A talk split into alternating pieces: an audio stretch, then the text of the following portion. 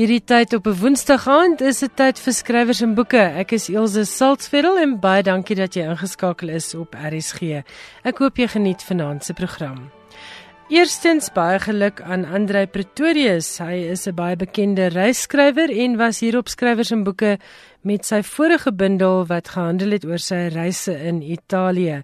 Gaan luister gerus op ons potgoeie na ons gesprek oor intermetsie. Maar vanaand wil ek Andre gelukwens met die toekenning van die Andrew Murray Prys vir sy boek Geloof alleen wat uitgegee is deur Naledi en wat verlede jaar verskyn het. Die boek handel oor Pretoria se reise in plekke wat in verband staan met die kerkhervorming wat verlede jaar 500 jaar gelede in Duitsland begin het.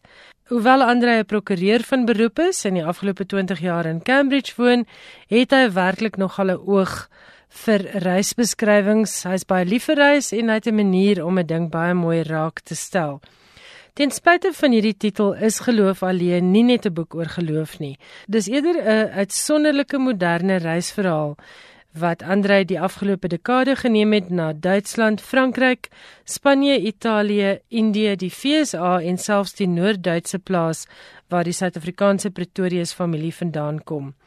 Die leser kan Pretorius volg waar hy 500 jaar na die begin van die kerkhervorming op 31 Oktober 1517 in die spore van die groot hervormers Martin Luther en Johannes Calvin gaan loop. Maar hy reis verby die plekke wat Luther en Calvin besoek het en besoek ook die plekke waar die sleutelepisodes van daardie grootse revolusie afgespeel het. En Andre gaan na die plekke waar die godsdienstoorloof van die hervormingsera ondenkbare verwoesting gesaai het. Baie geluk Andre en ek is seker daarvan elke leser wat lief is om te reis of om oor reis te lees, sal hierdie boek geniet. Jy neem die mense inderdaad na baie interessante plekke. Geloof alleen reise deur die kerkhervorming deur Andre Pretorius kos R279 en word uitgegee deur Naledi. Jy kan dit by enige goeie boekwinkel bestel of direk op hulle webwerf by www.naledi.online. Skrywers en boeke. Alles wat jy oor die boekewêreld wil weet en meer. Nie enigiemand debuteer op 84 met 'n bundel kortverhale nie en boonop is dit 'n bundel wat baie goeie resensies ontlok. Maar dit is presies wat Cecile Silje, gerespekteerde en gewilde rubriekskrywer en resensent onlangs gedoen het. Haar debuutbundel, Die ou vrou en die priester, is verlede week tydens twee boekbekendstellings in Pretoria bekendgestel. En my kollega Christel Webber wat hierdie bekendstellings gelei het as gespreksvoerder, het ook sommer die kans waargeneem om vir skrywers en boeke met Cecile Silje te gesels. Wat 'n ongelooflike groot voorreg om met die skrywer Cecile Silje te gesels. Sy's hier in Pretoria en ons gesels oor haar splinternuwe kortverhaalbundel. Cecile, dis jou eerste een. Hoekom uiteindelik? Omdat ek deur omstandighede gedwing is om op te hou rubrieke skryf. Ek het dit meer as 30 jaar rubrieke geskryf vir beeld. En natuurlik ook vir die kat en vir Sari. En ehm um, En toen weet ik skielik nou niet meer wat om met mezelf te maken. Ik heb letterlijk gerouw. En toen op een dag gaan zitten en ik schreef zo'n vier kort verhaal. En toen, maar het was een lang en stadige proces. En baie lang wat Ik denk die eerste was in 2013 begin. Ik heb altijd die datums bijgezet. En nou uiteindelijk vijf jaar later is gepubliceerd. En lig je mij baie plezier. die stories dat ik gelees heb, jou jou liefde vir mense spreek uit jou stories. En eh, dit wat ek van jou gelees het, navorsing wat ek oor jou gedoen het, dis duidelik sigbaar in jou lewe. Maak nie saak wat se agtergrond die persoon het of wat se ras hulle is nie. Waar kom jou passie vir mense vandaan? Ek weet of dit ingebore is nie en of dit mense dit aanleer. My ma was in die ACVV en sy het geglo dat 'n mens 'n waarde het. Ehm um, ek het nie die storie vertel nie, maar dat sê byvoorbeeld, jy weet, jy, jy kon nie praat van ou Mossie as jy praat van juffrou Moster nie. Jy kon nie sê die Griek op die hoek nie, dis meer Papadopoulos. My ma het geglo in die waarde van mense. Ek dink jy jy adem dit in of je kreeg het om je bloed. Nee. Mm. En ehm, so, ik, ik, ik, is liever mensen, maar er is ook net nieuwsgierigheid, man. Je weet, als daar een mens is, is daar een story of daar is iets om te vertellen. En die beeldrubriek wordt ook bij daartoe bijgedragen. Maar ook, ik heb in 1976 samen met Bridget Oppenheimer ons Vrouw voor Vrede begin. Baie mens gerig, nee. En vooral natuurlijk dan op zwart en bruin. Wat in Indië, wat van tevoren eindelijk voor ons allemaal een gesloten boek was. Want apartheid was tog baie suksesvol. Ja. Ek het die kortverhaalbundel gelees en toe ek oor jou gelees op die internet en daar's raakpunte tussen jou lewe en die karakters se lewe. Maar is dit jou storie? Nee, dis nooit my storie nie. Dit kom uit my uit my lewe uit uiteraard. Ek glo werklik baie sterk dat 'n mens moet skryf van dit wat jy weet. Want eendag maar ek sê ag nonsens Cecile, ek was nog nooit in Swede nie. Al my verhale speel in Swede af. Ik heb het gehuiver, maar die vraag is eh, Misschien kan het zien of hoor of. Nee, ik denk dat, dat 'n verhaal krijgt een vorm van realiteit, als dit een realiteitgebied is. En ik heb geschreven voor die Kalahari bijvoorbeeld, waar ik lang was. Ik ken die Karoo redelijk goed, wat ik geschreven Zodat ik, maar het is niet mijn historie, dit is mijn ervaring soms, maar het is niet mijn historie. En is stories wat jy by ander mense gekry het. Dit was, dit was. Ja, dit was. Ek kan nou van hulle noem byvoorbeeld mense wat my ding vertel het, maar dan weer eens, is dit nie hulle storie nie, dit word my storie. Terwyl in die rubrieke natuurlik was dit nie so nie. Die rubrieke het jy die volle pond gegee aan van waar jy die storie gekry het byvoorbeeld. Wat eintlik regverdig is. Maar in 'n kort verhaalbundel maak dit nie saak nie. As iemand of my gaan bel en sê maar dis my storie daai, dan sê ek sê maar dis nie soos jy dit vir my vertel nie. Jy verstaan nie. Ja. Ek ek omskep wat ek wat ek hoor. Ek dink jy het gespot en gesê daar's een storie in die boek wat jy self uitgedink het. Ja, dis die trourok. Ek het dit self uitgedink. ja, maar selfs dit was gebaseer in 'n hoë mate van stories wat sendelinge my vertel het van hoe hulle afgeskeep word deur die moedergemeente sê. Maar sê jy weet dit jy Ag, maar dit is waar van almal van ons. Mense kom vra vir jou asseblief 'n gawe. Maar jy gee nooit vir iets niets nie. Jy jy, jy gee ou goed. En um, dit is nie dis altyd my hart seer dat 'n mens dat jou liefdadigheid half so half dan ook maar tweedehands is. Nee, nie die hardheid. Maar tog is daar van die karakters wat in een storie is en dan dan hoor jy en lees En van hulle weer 'n dit ander is een. nogal dit is nogal ons het in die Kalahari gewoon en toe is ons Johannesburg toe. En toe speel daai twee stories dus um, vanuit dieselfde agtergrond af. En toe het ek besluit om die name van die van die die uh, uh, hoofkarakters dieselfde te hou. So dit in 'n sin is dit 'n opvolgingsverhaal. Nie 'n opvolgingsverhaal nie, maar ja, 'n 'n 'n verduidelikende verhaal. Want in die eerste een die verlies van die baba en die tweede een blyk dat dit is hulle een is die die die kind wat by hulle aan huis kom is die enigste kind. Mm. So is hy het nie weer kinders gehad nie. En dit is vir my nog 'n mooi 'n mooi knoop gewees tussen die twee. Mm. Ja. Verlies, jy het dit nou genoem ook, is 'n deurlopende tema deur al jou stories.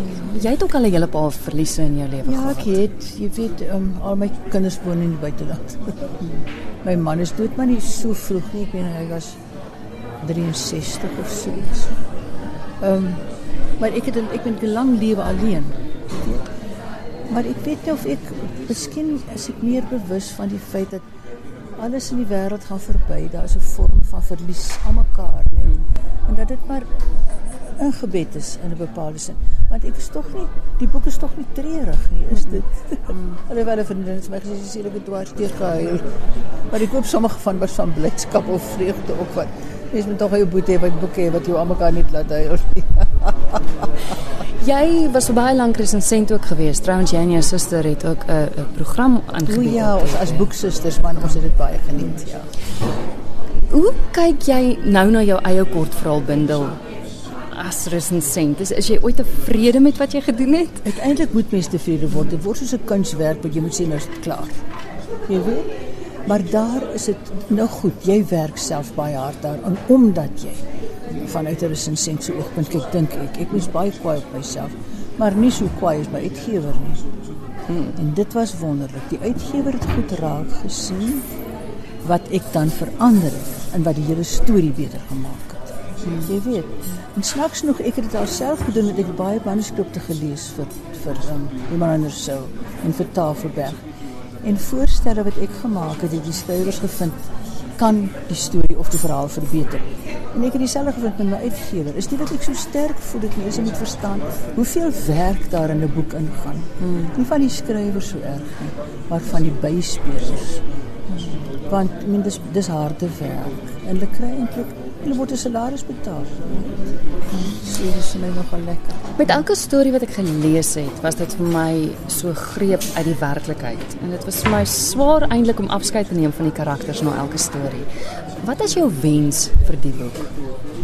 Ek wil hê dit moet vir mense iets beteken. Ek wil net lees en sê, ja, dit was nou oulik of ag nee, wat dit ten minste my mooi nie.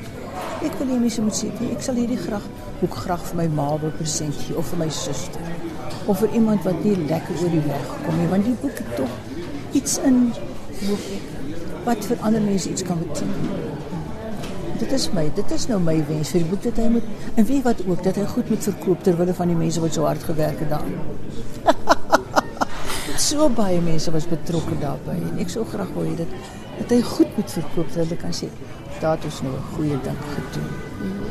En dan so laaste vraag wat is jou droom je weet het, het gewacht gemaakt van die feit dat ik... Ik word 85 volgende maand. Het is op 84 mijn eerste bundel gepubliceerd. Um, ehm, dus niet dat ik aan het einde van mijn leven is. Ik, ben, ik zou voor eeuwig leven. Want leven is mij lekker. Maar ik wil baie graag in vrede sterven. Het is mijn droom. Ik wil sterven zonder dat mensen als wat nog voor mij kwaad is. Of iets wat ik er aan moet doen. Dat vergeven wordt. En dat ek self die krag ervaar en vind of vind om te vergewe wat nie aldag maklik is nie. Ehm um, dit sou vir my lekker wees. Ja, dit is 'n droom om in vrede te sterf. Dit was Cecile Silje in gesprek met Christel Webjuber. Die ou vrou en die priester word uitgegee deur Iman en Resou en kos R195.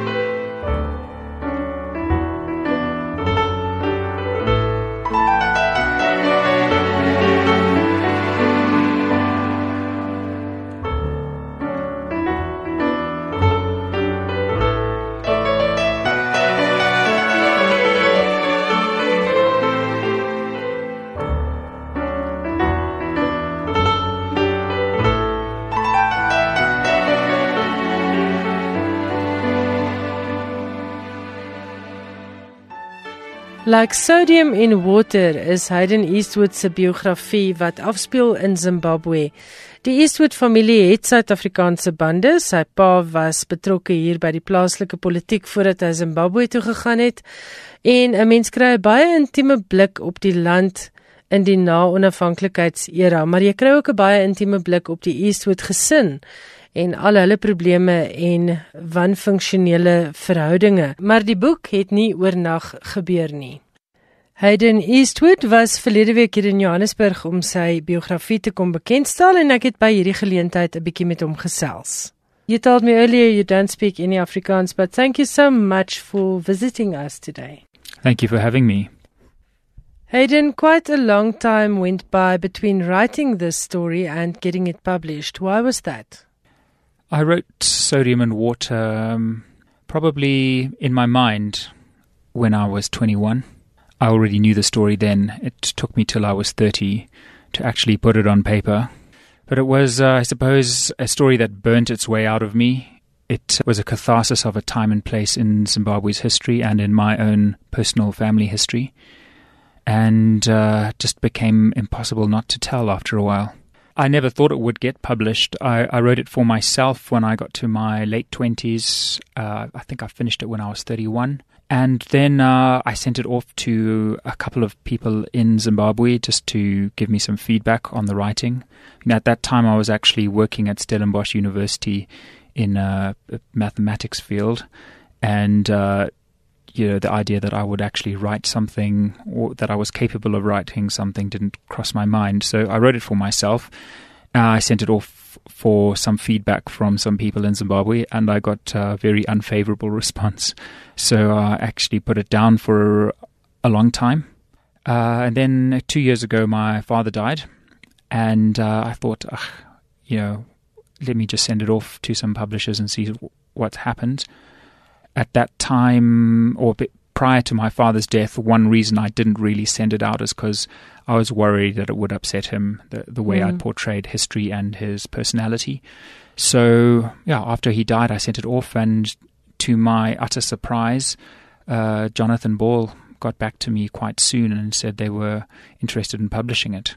To me, it's a novel of um, it's a coming of age novel. It's a political novel, but it's above all, it's a hauntingly beautiful story about your personal history, your family, the things, the dynamics that happens in families, and the things that can go wrong without people even noticing.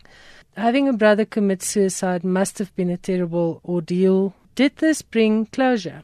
I don't know if you'll ever get full closure on something like that, but uh, I would say 80% closure. Een van die redes hoekom ek like Sodium in Water baie geniet het, is omdat dit 'n baie realistiese prentjie skep van die hedendaagse Zimbabwe, nie net die tyd na onafhanklikheid nie, maar ook hoe dit nou daar uitsien. En Hayden skryf oor 'n swaar onderwerp met 'n baie ligte hand. Hy skets die prentjies pragtig. Jy kan jou verbeel jy is in Zimbabwe en daar's genoeg humor om te keer dat dit nie alles 'n uh, tranedal word nie. Uh, Hayden was the humor on purpose or is that just who you are? I would say much of my memories of Zim are very conflicted. So on the one hand, you know, having a childhood there is the most beautiful, free, creative, funny childhood you can have. And Uh, at the same time, there's this sort of backdrop of you know this history of war and conflict and you know, deep societal problems and deep political problems, and you can't separate the two. They are one and the same. They are produced by the same engine. So, at least for me, it was impossible to write about sadness without you know, things that are also funny. But your family sounds like a wayward lot and uh, creative people. I, am sure that helped, that provided certain material for this book already. yeah, well, my mother's always been a real character. Uh, Who regularly embarrassed you by the way she dresses. Yes, she she continues to do that. even now that you're a grown man. yes, even now that I'm 38, some events I still go to and think, oh gosh, did she really have to wear that? yeah, but I suppose that's also the glue that kept you guys together. And the thing that made your mother stick it out, living in Zim with all the difficulties and everything else. Yeah, I think uh, at some times it was just so difficult there. And, you know, I actually left the country for a good 10, 12 years. I was in Britain for 10 years and in South Africa for four and my mum stayed there the whole time and i would see windows of it in the the very very dark days like 2006 2007 where we would go back and there would be no power no water uh, no cell phone signal no internet no petrol. And you'd you'd be living under those circumstances for uh, she was living under it permanently. I would just see it for a th- three or four week snapshot. Mm-hmm. and uh, I think there's no other way to kind of get through that sort of thing unless you a cherish the sort of beauty around you, the physical beauty of nature, and if you don't find a lot of things quite funny. Uiteraard wou ek ook by Hayden weet of die verwydering van Robert Mugabe as staatshoof in Zimbabwe enige werklike verandering meegebring het en of dit eintlik maar net 'n revolusie was wat op sosiale media plaasgevind het. Well, we'll have to see. My impression so far is that absolutely nothing has changed. I left Zimbabwe last night, and just before I came, I was watching the bank queues of people trying to get their own money out of their own bank, which they still can't do. Yeah, that is the main thing being able to spend your own money, which has been very, very difficult the last year and a half. And shortages in the shops are still there. There's uh, no real indication that more jobs are being created. If I could say I've noticed one thing, I don't know if it's in my imagination, but Harare looks a little bit cleaner. Maybe the, okay. the, the rubbish collectors are turning up to duty. Nog 'n baie interessante aspek van hierdie biografie is dat Hayden 'n sterk agtergrond het in die wiskunde en wetenskappe. Hy het in beide vakgebiede klas gegee aan die Universiteit van Kaapstad en ook aan die Universiteit van Stellenbosch. En tog skryf hy soos iemand wat letterkunde as agtergrond het. Hayden, how did the writing process work for you? I would say that uh, I'm basically a sort of sciencey animal by nature. Mm-hmm. Uh, ever since I was a kid, I was interested in how things worked and how things mechanically fitted together, and uh, that was the underpinning of my love of science. But I suppose in recent years, I've come to feel that actually life is a bit like that anyway, and a, a writer also does that. They they try to understand how the bits of reality fit together to to form what we perceive. So, in some regard, there is some overlap there. I would say that mm. the sort of if you have curiosity about how particles fit together, you can also have curiosity about why society is the way it is and how people fit together. And your mother's eccentricity, I suppose, and the exposure you had to things like classical music and literature must have also played a role. Well, I think uh, I grew up in a very privileged household materially. I mean, my, my father was a high flying lawyer, my mum was a concert level pianist. Uh, we had a lot of books in the house and we had a lot of freedom. Boeke maak ook 'n belangrike deel van die subtext uit in Like Sodium in Water en hy het vertel dat dit die boeke was wat hy en sy broer in daardie verskillende tydperke van hulle lewe gelees het. There was a lot of Roald Dahl uh, in my teenage years a lot of Agatha Christie sort of classics I suppose uh, I remember reading a lot of Wilbur Smith. But then your brother read a lot of um, different books, your late brother. Yes, he was um, an enigma, really. I mean, he had a really rather remarkable mind, both in science but also in his sort of curiosity for history and writing. So, and he was reading Remains of the Day in like 1988 or 89. Mm. I think it was probably quite a mature book for an eight year old to be reading. And he was like that. He would just pick up things from a very young age and read it and he often didn't discuss it that much, so you wouldn't really know what was going on in his in his mind. And uh, I think that kind of uh, sort of separate life of his own mind became more and more stark as he grew older. Enige biografie skrywer sal vir jou sê dat dit maar moeilik is om die boek die eerste keer vir familie en vriende te gee om te lees. Ek wou by Hayden weet hoe sy familie gereageer het op sy biografie. uh, I was actually very worried about them reading it because I hadn't told anybody. I only told them after it was accepted okay. because that right. was the only time that anybody actually needed to read it. So it was actually something I wrote for myself in a very mm. personal way. I didn't really want to show it to anyone in a funny way, even though I did submit it for publication. It, it was something that I had very mixed feelings about mm. when they actually said they wanted to publish it. And it's quite easy to send off a book for publication when you believe nobody will take it. Mm, mm. Uh, but as soon as I got a notification from Jonathan Ball that they were interested in it, I sent a copy off to all of my family. And uh, yeah, I was worried that you know maybe I've I've remembered things incorrectly. Maybe I've spun it in a way that's inaccurate or dishonest. And uh, I, I was very relieved that they uh, they both said that I more or less nailed it on the head and that I'd captured how it was. So that was great. Uh, my mum had two things that she complained about, which I was probably mentioning her dress sense. She was fine with that. okay, yes. uh, there was two things when uh, she collected me from the airport uh, that one time. Mm. She announced to me. She said, "The good news is that your father has emphysema. The bad mm-hmm. news is that he's given up smoking." She was just like, please, did you have to put that in there? I, I, said to her, Ma, come on, um, it'll become clear as to how that could have been uh, both a reasonable and compassionate statement later on in the book. Uh, and the second bit was to do with the nappy. I don't know if you remember yes, that book. yeah, yeah, that was quite, um, yeah, that was quite eccentric too.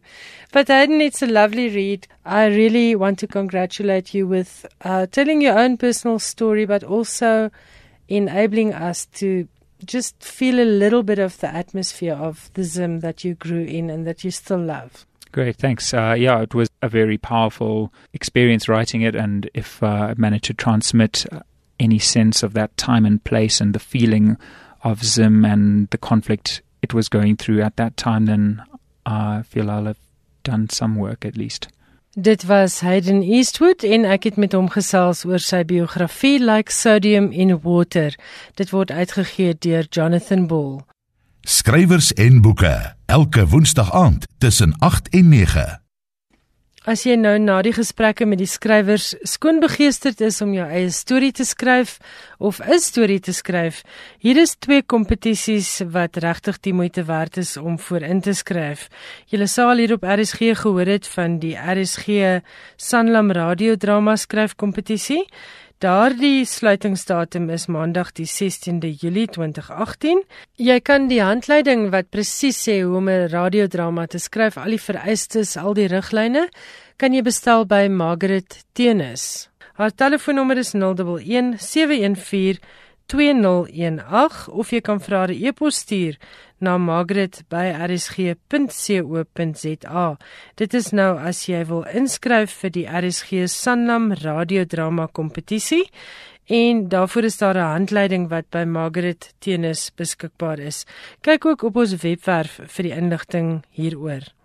Dan het ek ook verlede week 'n e-pos gekry om jeugromanskrywers daaraan te herinner om solank hulle manuskripte gereed te kry vir die Sanlam Prys vir Jeuglektuur 2019.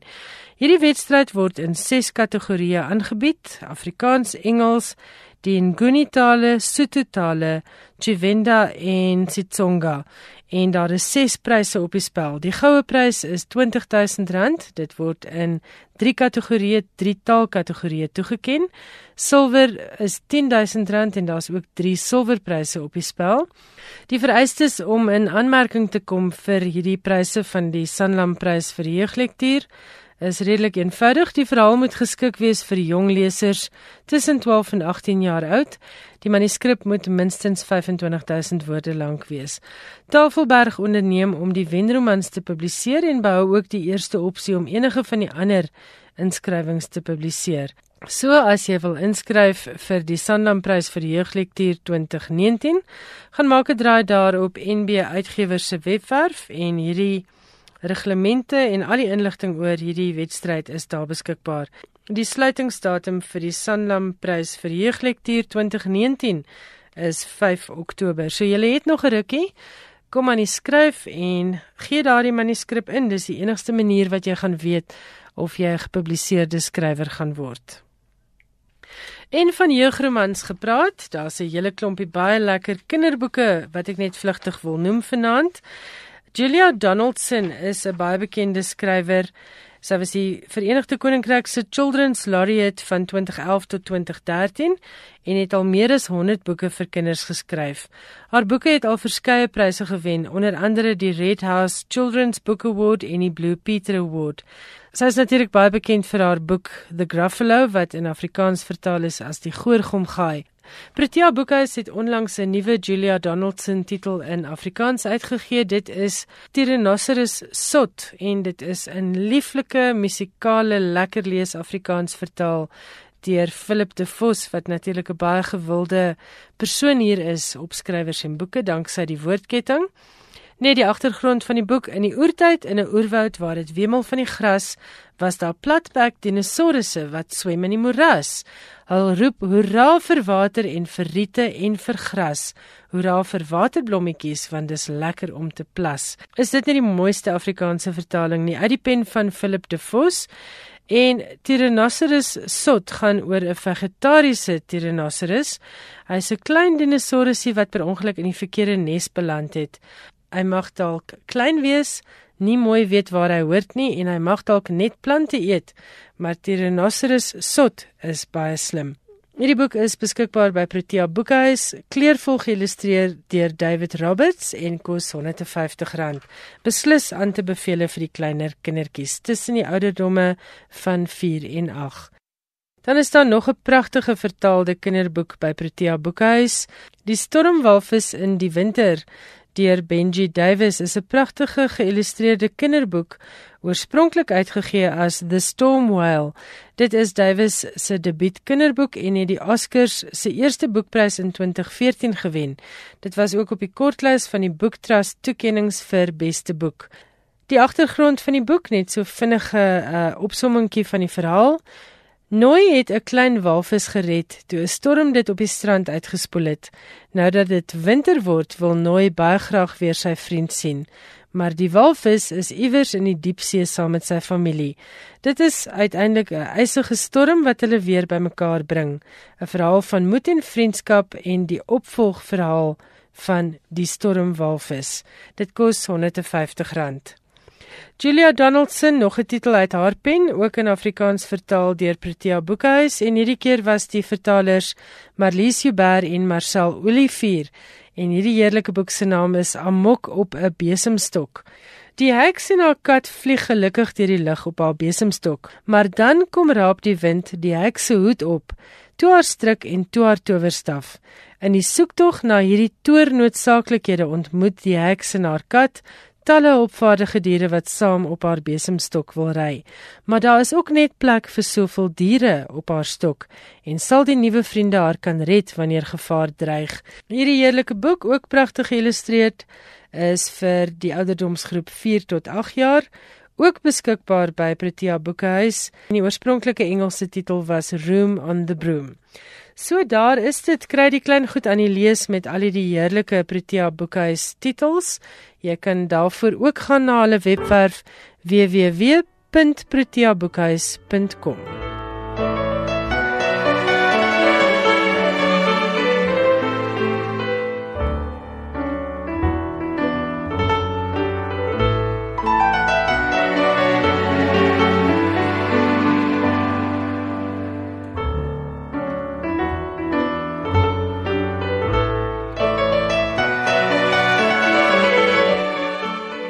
Nou is dit weer Johan Meiburg se beurt agter die mikrofoon. Johan, jy gaan met ons gesels oor onder meer die Pulitzer Pryswenners en oor 'n internasionale toekenning wat aan Antjie Krog gemaak is. Dis reg. Hallo. Hallo Ilse.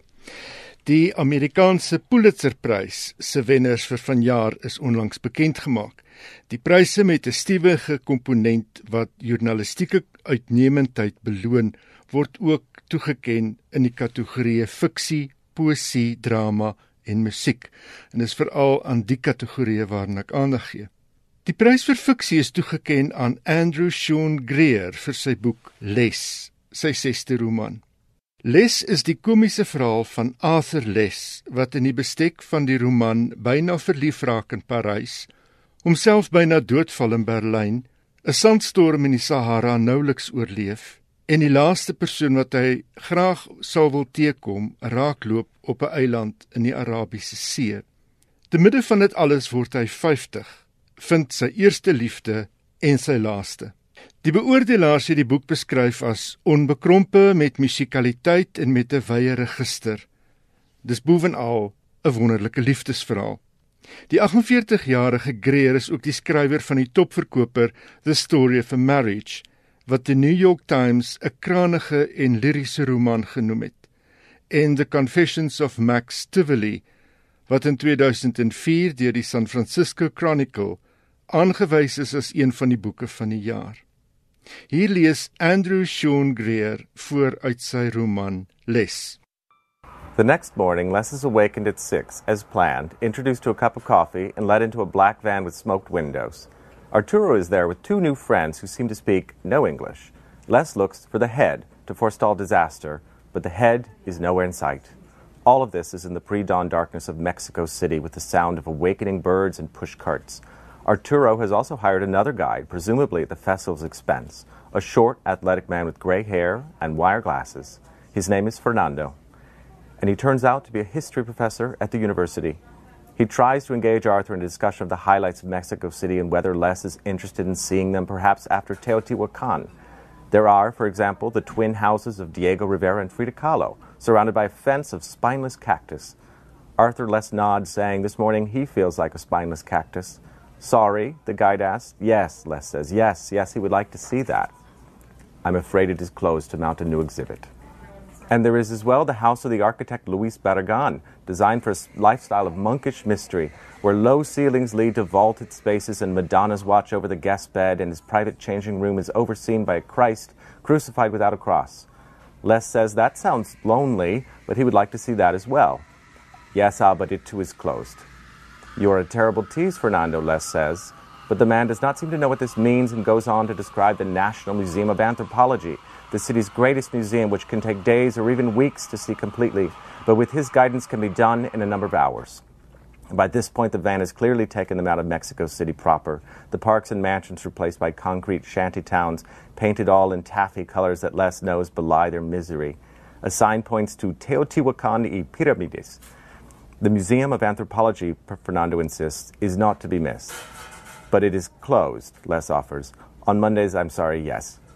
As the van rounds the corner of an agave grove, he is aware of an enormous structure with the sun pulsing behind it and striping it in shadows of green and indigo, the Temple of the Sun. It is not the Temple of the Sun, Fernando informs him. That is what the Aztecs thought it was. It is most probably the Temple of the Rain, but we know almost nothing about the people who built it. The site was long abandoned by the time the Aztecs came through. We believe they burned their own city to the ground a cold blue silhouette of a long lost civilization. They spend the morning climbing the two massive pyramids, the Temple of the Sun and the Temple of the Moon, walking the Avenue of the Dead. It is not the Avenue of the Dead, really, Fernando informs him, and it is not the Temple of the Moon. Imagining all of it covered in painted stucco, miles and miles every wall and floor and roof in the ancient city that once held hundreds of thousands of people about whom literally nothing is known, not even their names. Les imagines a priest covered in peacock feathers walking down the steps as in an MGM musical or a drag show, arms spread wide as music plays from conch shells all around, and Marion Brownbird standing at the top holds the beating heart of Arthur Les. They chose this spot, we think, because it was far from the volcano that destroyed villages in ancient times. That volcano, there, Fernando said, pointing to a peak barely visible in the morning haze. Is it still active, that volcano? No, Fernando says sadly, shaking his head. It is closed. Dit was Andrew Sean Greer wat voorgeles het uit Les, die roman waarmee hy die 2018 Pulitzerprys vir fiksie verower het. In die kategorie vir drama is Martina Majok bekroon vir haar drama Cost of Living en vir poësie het Frank Bidder die prys gekry vir Half Light Collected Poems 1965 to 2016. Die kategorie vir musiek het nogal aandag getrek toe die Pulitzer vir musiek toegeken is aan die kletsrymer Kendrick Lamar vir sy album Damn. Dis 'n jammerte dat die Pulitzer paneel nie die visie gehad het om Lamar as wenner aan te wys in die kategorie vir poësie nie, het verskeie kommentators kort nadat die pryse aangekondig is gesê. As Pulitzer die voorbeeld van die Swetse Akademie kon volg wat vir Bob Dylan die Nobelprys gegee het, sou dit 'n duidelike boodskap gestuur het dat kletsrym 'n waardige vorm van digkuns is en op dieselfde vlak as Shakespeare en Wordsworth kan meeding. 'n Artikel in The Guardian het die mening gehuldig. Let's be honest. Kendrick Lamar, Stormzy, BBK and Giggs have a greater impact and more relevance today than all the literary greats wandering lonely as a cloud on some dusty bookshelf in some crusty corner, waiting to be forced down the school curriculum gullets of young people. Dis 'n baie interessante siening en ek dink tog ek stem met 'n deel daarvan saam want dit is waarna die jonger kinders luister, die tieners. As ek nou dink byvoorbeeld aan Hemelbesem en die impak wat hy het op Afrikaans met sy lirieke en dis ook kletsrym. Ek dink hy bereik meer harte as wat 'n ouer Afrikaanse digter waarskynlik gaan doen. Ja, inderdaad. Baie interessant daardie en dan is daar wonderlike nuus oor 'n bekroning vir Auntie Krog. Die Nederlandse Kultuurprys, Gouden Gansenveer, is verlede week in Amsterdam aan Auntie Krog oorhandig. Die prys is in 1955 in die lewe geroep om die werk te beloon van mense of organisasies wat 'n beduidende bydrae tot die geskrewe woord in die Nederlandse taalgebied gelewer het. Die wenners kom jaarliks uit die kulturele, politieke, akademiese of korporatiewe wêreld. Krog is die eerste ontvanger van die prys wat nie in Nederland skryf nie. Sy is vereer as en ek al aan uitsonderlike en veelsidige digter, skrywer en joernalis en 'n begaafde vertolker van haar eie werk. Op haar beurt het Krog gesê die prys kom op 'n oomblik van belang juis omdat Afrikaans volgens haar 'n bedreigde taal is. Hoe alles hier veranderd is die jongste boek van Antjie Krog wat pas in Nederland verskyn het. Dis 'n persoonlike keur uit haar 3 nie-fiksieboeke oor Suid-Afrika, Die kleur van jou hart Een ander tongval en niets liever dan swart. Voorsien van 'n nuwe voorwoord. Die Gouden Ganseveer is verlede jaar aan Nederlandse skrywer en joernalis Arnon Grunberg toegekend. En ek verbeel my jy het met hom gepraat daarna. Toe hy hier in die land hier was. Ja, ja. ja, ja. En Johan, ek wil ek is seker of van die luisteraars is ook nuuskierig oor jou Nederlandse aksent. Waar kom dit vandaan? Het jy daar gestudeer? Nee, ek het ek het 'n 'n tyd daar vertoef. Goed, goed. En dan jou laaste brokkie. Ja, ons is nog in Nederland. Die 3-jaarlikse prys der Nederlandse letteren, gereken as die roemrykste literêre prys in die Nederlandssprekende wêreld, is toegekend aan die 83-jarige digter Judith Hertzberg. Oor haar werk het die jury wat die prys toeken geskryf: Hertzberg se poësie is hartverskeurende eenvoudig en terselfdertyd so kompleks. Haar presiese waarnemings uit die daaglikse lewe laat blyk die wesenlike van wat menswees is. Haar toon is altyd natuurlik, so natuurlik dat dit alleen maar kan voortkom uit die intense beheersing van taal en vorm, tegniek en klank. Haar klankgebruik word musiek. Hertzberg het in 1963 gedebuteer met die bundel Zeepost. In 1984 het sy die bundel Dagrest uitgegee. Dagrest was haar vertaling van Freud se Tagesreste, 'n vertaling wat sy aan Kazuo Ishiguro voorgestel het as moontlike titel vir sy roman The Remains of the Day, die boek wat in 1989 met die Boekerprys bekroon is.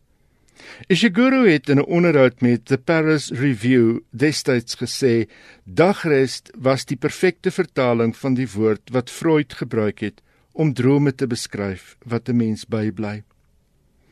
Sover dit literêre pryse betref, het Hertzberg gewis erkenning gekry. Sy het die Jan Kampertprys, die Charlotte Köhler Prys vir letterkunde, die Constantyn Huygens Prys en die PC Hoofprys verower.